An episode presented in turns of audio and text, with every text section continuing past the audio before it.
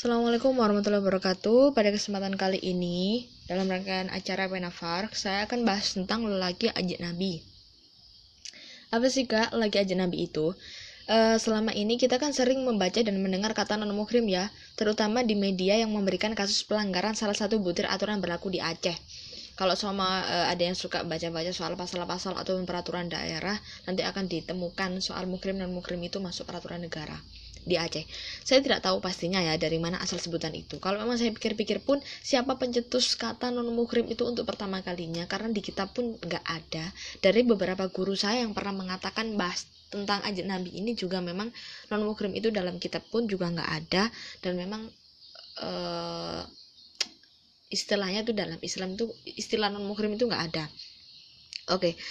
Menurut yang saya ketahui dalam kitab-kitab fikih, eh, maaf, laki-laki dan perempuan yang halal dan haram dinikahi memiliki istilah sendiri. Di antara istilah itu ialah makrom yang dalam kamus bahasa Indonesia disamakan makna dengan mukrim. Sementara kata mukrim dalam istilah uh, dalam istilah ini Mukrim dalam istilah aslinya adalah orang yang tengah ikhram. Makrom secara istilah didefinisikan sah menurut hukum fikih Islam. Berarti perempuan atau laki-laki yang haram dinikahi. Perempuan atau laki-laki tertentu yang makrom bagi kita karena sebab keturunan seperti ibu dan saudara perempuan bagi laki-laki dan sebaliknya ayah dan saudara laki-laki bagi perempuan dan sebagainya. Terhukum mukrim juga karena susuan, sepersusuan, pernikahan dan sebagainya. Selain makrom, ada istilah satu lagi yakni ajak nabi. Secara istilah, ajak nabi diartikan sebagai perempuan atau laki-laki yang halal dinikahi.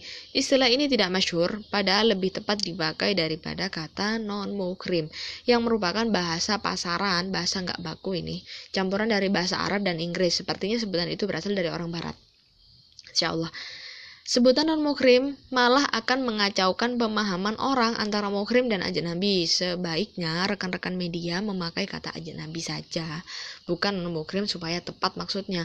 Begitu pula kata lain seperti mencuri, Merampok lebih tepat digunakan daripada melakukan korupsi atau kata pencuri, perampok lebih, e, lebih tepatnya lagi digunakan daripada koruptor.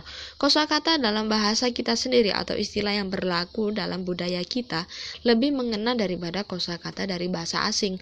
Maka katakanlah nabi jangan non mukrim. Fatwa dari Syekh Abdul Aziz bin Bas yang kemarin masuk dalam DM Instagram saya, pertanyaannya adalah, "Kak, Bolehkah seorang wanita berbicara dengan laki-laki nabi yang bukan makromnya melalui via telepon? Jazakallahu khair. Oke, saya jawab. Uh, tidak mengapa seorang wanita berbicara dengan laki-laki via telepon jika jika memang ada maslahat yang syar'i atau ada urusan yang sifatnya mubah seperti bertanya perihal agama atau mungkin bertanya tentang kondisinya sakit ataukah sudah sehat.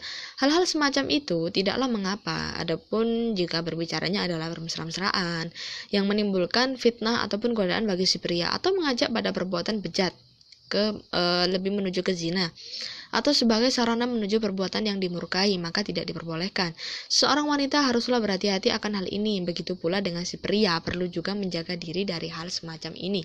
Janganlah sampai laki-laki berbicara dengan wanita via telepon untuk tujuan semacam ini, begitu pula si wanita. Bahkan hal semacam ini bisa mengantarkan kepada kerusakan yang banyak dan teramat bahaya. Adapun jika si wanita tadi berbicara dengan suami dari saudara perempuannya atau berbicara kepada anak pamannya, ia menanyakan kesehatan mereka, kesehatan anak mereka, kesehatan ayah mereka, atau pada perkara yang ada hajat untuk ditanyakan atau pada urusan jual beli yang urgen selama itu tidak mengandung subahat dan kejelekan maka tidaklah mengapa. Jazakallahu khair, semoga bermanfaat. Wassalamualaikum warahmatullahi wabarakatuh.